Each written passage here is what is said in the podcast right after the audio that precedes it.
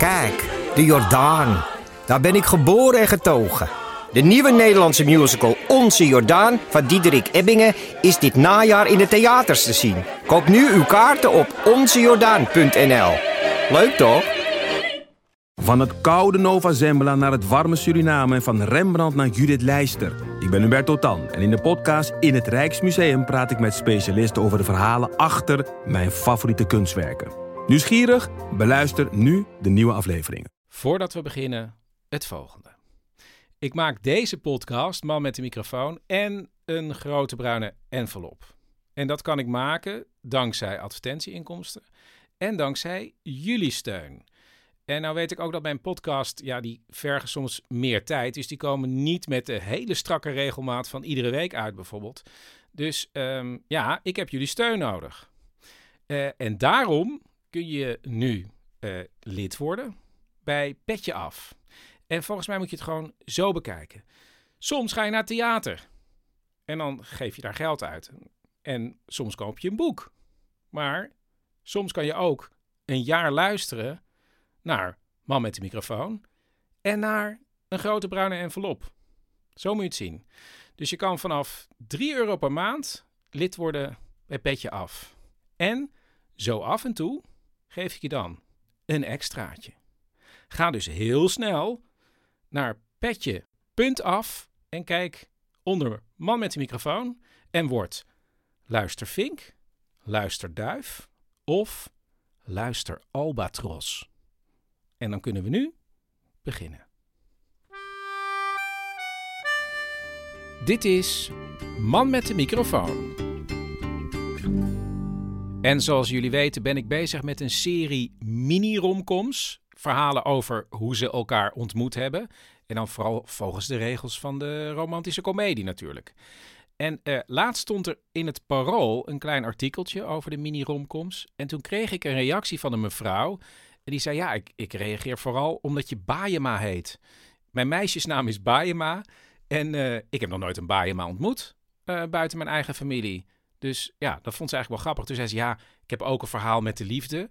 Wat misschien ook interessant is. En dat is inderdaad interessant. Uh, maar ik weet niet, nou ja, het is eigenlijk niet een romantische komedie.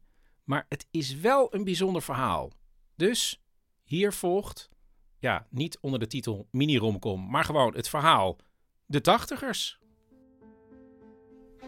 Dit is Janneke. Ik ben, ik word morgen 81.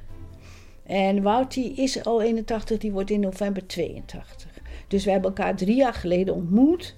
Dus toen was ik eind 70 en Wout was ook eind 70.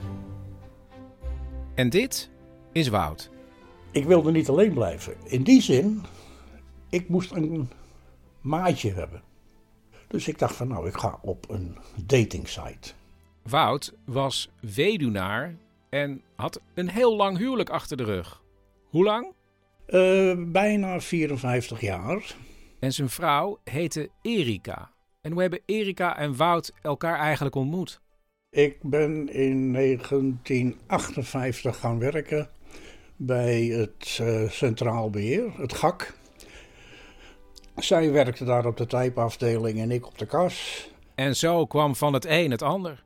Ze raakten verloofd, getrouwd, kregen twee zoons en gingen vrijwel elk jaar met z'n tweeën op de Bonnefoy op vakantie in Engeland.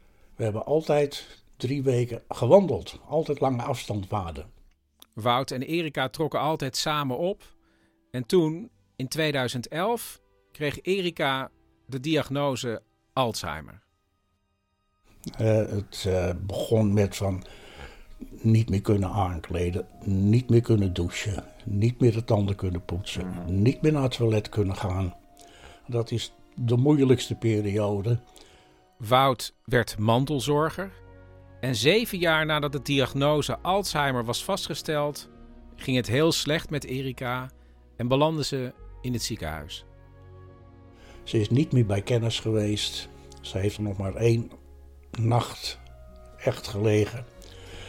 En de tweede dag kreeg mijn zoon een telefoontje van ze is vannacht overleden.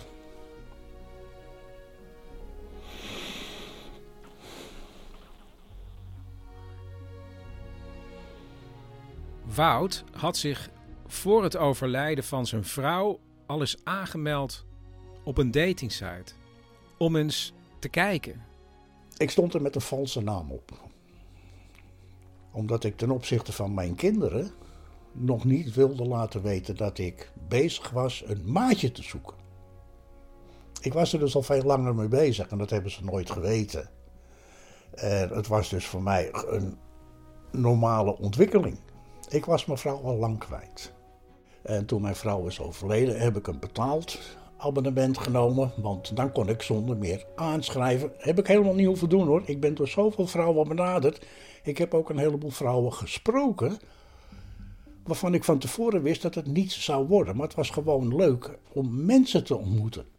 Hij sprak met veel vrouwen af en ook die gescheiden waren. En dan maakte ik een afspraak mee op hun verzoek. En ja, dan begon je er toch over dat je bijna 54 jaar getrouwd was. Nou ja, kom maar terug als je het niet meer over wij hebt, maar over ik. Ik moest 54 jaar, 53 jaar huwelijk, moest ik vergeten. De afspraakjes leerde Wout een aantal dingen. Allereerst dat hij beter niet af kon spreken met gescheiden vrouwen. En daarnaast gaven ze hem de raad om niet te zeggen dat hij glutenallergie had. En ook niet dat hij rookte, want dat maakte de kans minder groot. Ze wees hem ook op het feit dat hij al achter in de 70 was. En dan zeiden ze: Wout. Je moet er eigenlijk bij tijds bij zijn, want boven de 80 wordt het voor iedereen, zowel voor mannen als voor vrouwen, heel moeilijk. Een van de vrouwen op de datingsite was Janneke. Bij mij is het altijd heel belangrijk hoe iemand eruit ziet. Dus er staat altijd een foto bij. En die foto van Wout, die sprak mij wel aan. Dat is niet helemaal een foto van nu hoor, want die was van een jaar of vijf geleden. Ik neem aan dat dat ook weer een tip was van een van de vrouwen met wie Wout had afgesproken. Maar goed, ze kregen contact. En we zijn gaan e-mailen via die site. Ik ben heel lang van stof. Dus ik schreef zulke e-mails. Van wat ik mee heb gemaakt, waar ik wat over denk, wat ik zoek, wat ik per se niet zoek. Al dat soort dingen, al mijn ervaringen kwamen in die e-mailen terecht. En uh, ja, ook in die mails kwam voor wat ik met mijn vrouw gedaan had. In mijn, haar mails kwam wat zij met haar man deed. Dus gedaan had. Uh, dus dat was toch ergens wel een betere basis. Ja, Janneke was getrouwd geweest met Piet. En hoe hadden zij elkaar ontmoet? Ik was 18, ben ik uit de Hoogovens als typiste gekomen. En daar werkte mijn man als jongste bediende. Dus we waren 18 en toen leerden we elkaar ook kennen. Het was heel leuk.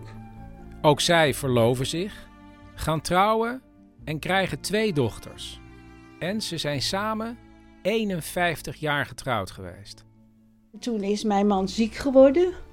Hij was 74, alvleesklier. En toen is er op een bepaald moment bepaald, uh, met de huisarts samen, want hij had zo'n verklaring, dat, uh, dat er een einde aan zou komen. En toen is hij hier dus uh, gestorven, thuis.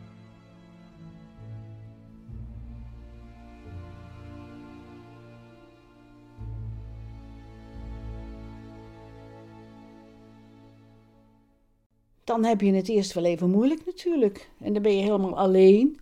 Aan de andere kant, ik, uh, ik heb het toch goed gered alleen. En mijn kinderen, vooral die in Hoofddorp, hebben heel veel aandacht aan me besteed. Dat heeft ongeveer drie jaar geduurd. Nou ja, ik was bij leesgroepjes, ik was bij tennis, ik was bij allerlei andere activiteiten. Dus ik, het ging wel goed. Maar toen vond ik die zondagen toch een beetje stil worden. En toen ze las over een internetsite waar je kon daten met andere ouderen, toen dacht ze: Zal ik het ook eens proberen? Dus uh, toen ben ik op de computer gaan kijken wat er allemaal beschikbaar was. Bij het kijken viel haar wel één ding op. Mannen zijn niet zo uh, dik gezaaid om uit te zoeken. Mannen gaan hier de dood. Maar goed, er waren er wel. En toen heb ik gedacht, nou ja, die is wel geschikt misschien, of die. En toen heb ik er eentje benaderd en een afspraak gemaakt. Maar dat was het niet. Die wilde me meteen al kussen. Daar had ik helemaal geen zin in. En toen raakten ze via de e-mail aan de praat met Wout. Toen zei ze van nou laten we een keer een ontmoeting hebben. Laten we maar bij elkaar komen ergens op het strand in. In eh, Bloemendaal, strand, leuk. Als ze de auto parkeert bij het strand, ziet ze een man, dat is waarschijnlijk Wout. Ja, het is hem, stuntelen bij de parkeerautomaat. Wout? Ik kon er niet zien, want de zon schijnt erin. Dus heb ik hem even geholpen. Was wel heel grappig. Zij kwam aanlopen en ze nam het meteen over. ja, dat vind ik best. Ze regelen het met de parkeerautomaat, gaan naar de strandtent, bestellen een taartje en gaan praten. Over van alles en nog wat, over onze geschiedenissen. En ik denk ook enigszins over onze partners die allebei overleden waren. Hè, dat is natuurlijk ook wel een gezamenlijk punt. Dat je allebei een hele goede verhouding met je partner hebt gehad. En dat op een bepaald moment dat je toch weer wat meer uh, een contacten zoekt. Ze kletsen een tijd en lopen dan weer terug naar de parkeerplaats. En ik vond het wel wat. En dus wil Wout meteen actie ondernemen. Ik wil achter haar aanrijden, maar mijn auto startte langzamer dan die van haar. Het was dus een heel leuk plan van Wout. Maar goed, dat ging dus gewoon niet, dus ik ben naar huis gegaan. En toen kreeg ik een mailtje van, nou, ik denk dat ik er toch maar vanaf zie. Dat heeft ze niet gezegd, zeker. Nou, dat heeft ze wel gezegd, maar net iets anders. Uh, ja, goh, ik denk, is dat hem nou wel? Ik zeg, nou, oké, ik kan me voorstellen, uh, geen probleem. Ik kan er moeilijk iets over zeggen. Ik zeg, maar ik wou nog even dit en dit en dit opmerken. En toen kreeg ik een mailtje terug. Ja, ik heb erover gedacht om je uit te nodigen bij mij thuis te komen. Omdat je zo aanhoudt. En ik zei, nou, dan kom ik wel een keer langs. Afspraak gemaakt dat ik hier kwam. Wat ik overigens niet verstandig vond om meteen iemand thuis uit te nodigen. Bij een date. Dat heb ik er ook gezegd. Maar hij ging wel. Nou, ik zou een uurtje blijven. Het werd uiteindelijk vijf uur. En toen ging het heel snel. Na 14 dagen is hij gewoon hier gebleven. En toen was ik ook wel een beetje verliefd.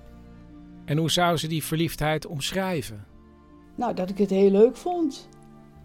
En dat ik het heel leuk vond om met hem te zijn. Dus dat is eigenlijk het hele verhaal. En Wout? Het is dat gevoel van verliefd zijn. Weer samen willen zijn. Weer huid voelen. Gewoon weer knuffelen. Ja. Want dat heb ik wel al heel lang gemist. Het zat er gewoon niet meer in. Mijn vrouw is toen wel wat afstandelijk geworden.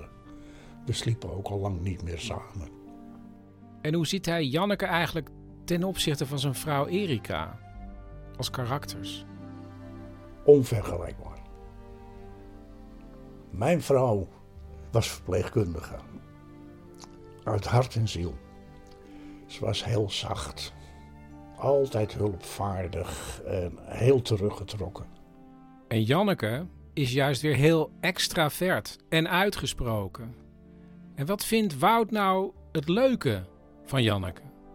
De manier waarop ze op dingen reageert. Daar moet ik heel vaak om lachen. Ik moet er ook een beetje temperen, naar mijn idee. Maar ja, ik vind het hier weer leuk om inderdaad veel te praten. Ze onderneemt veel en dan ga ik mee. En dat stel ik toch wel op prijs. Af en toe vind ik het een beetje druk. Zoals deze week en de week erop. dat probeer ik af en toe wel even te temperen. Uh, maar ja, goed, uh, het gaat goed op die manier. Dat is het bijzondere. Die mensen, die twee mensen, mijn vroegere man dus, Piet en Wout, die zijn zo verschillend, hemelsbreed. Ik heb bij Piet hele leuke dingen meegemaakt en bij Wout weer hele andere leuke dingen. Want wij gaan nu strakjes naar Engeland. En heeft Wout uh, zijn ervaringen zoals hij ze had vroeger, heeft hij eigenlijk hier ook een beetje in dat reisje geïntegreerd. Dat we praktisch op de Bonnefoy gaan. Terwijl bij Piet was het zo. Dat werd allemaal van tevoren geregeld. Dat stond allemaal op papier. Maar nou ja, Wout doet het zo. En dan gaan we kijken hoe het gaat. Ja, op de Bonnefoy, op de Bonnefoy. Ik weet dat als ik ergens heen wil, dan ga ik naar de Tourist Information en ik, ik boek via hun een bed and breakfast. Ik heb inmiddels ook al een aantal hotels geboekt. Maar het is niet iets wat ik normaal gesproken deed. Op al die wandeltochten boekten we de avond van tevoren de overnachting voor de dag erop. Dus ik moet me overgeven. Dat is voor mij niet zo makkelijk, want ik hou ervan het heft in handen te hebben natuurlijk, maar dat doe ik wel. Het is wel zo. Ik kan niet zeggen dat ik hier de gast ben, maar het is anders. Ik heb nu twee huizen. Ik ben in twee panden thuis. en als dit zou moeten eindigen, dan ben ik daar weer thuis. Alleen weer alleen. En dat is waar ik wel weer tegenop zie. En ik kan het ook psychisch nog niet loslaten. Ik heb nog niets opgeruimd van mijn vrouw. Ik kan het niet. Kan ik nog niet opbrengen. Heeft Wout eigenlijk het idee dat hij nog twee levens heeft? Nee. Nee, ik leef hier. Maar ik kan dat nog altijd niet vergeten. Ik kan daar nog geen afscheid van nemen. En gaat dat ooit gebeuren? Denk het niet. Dat hoort erbij. Dat is gewoon een deel van dit leven ook. En dat maakt het uh, prima. Als die andere kan luisteren, is dat voor jezelf ook heel belangrijk. Je poetst niet zomaar 50 jaar weg.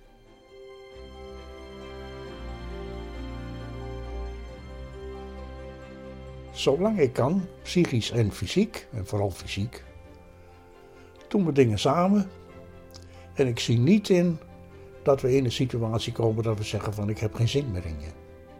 Nee, dat, uh, dat, dat is gewoon vast. En dat stond eigenlijk al bijna vast toen we elkaar een paar maanden kenden. Denk ik, onbewust.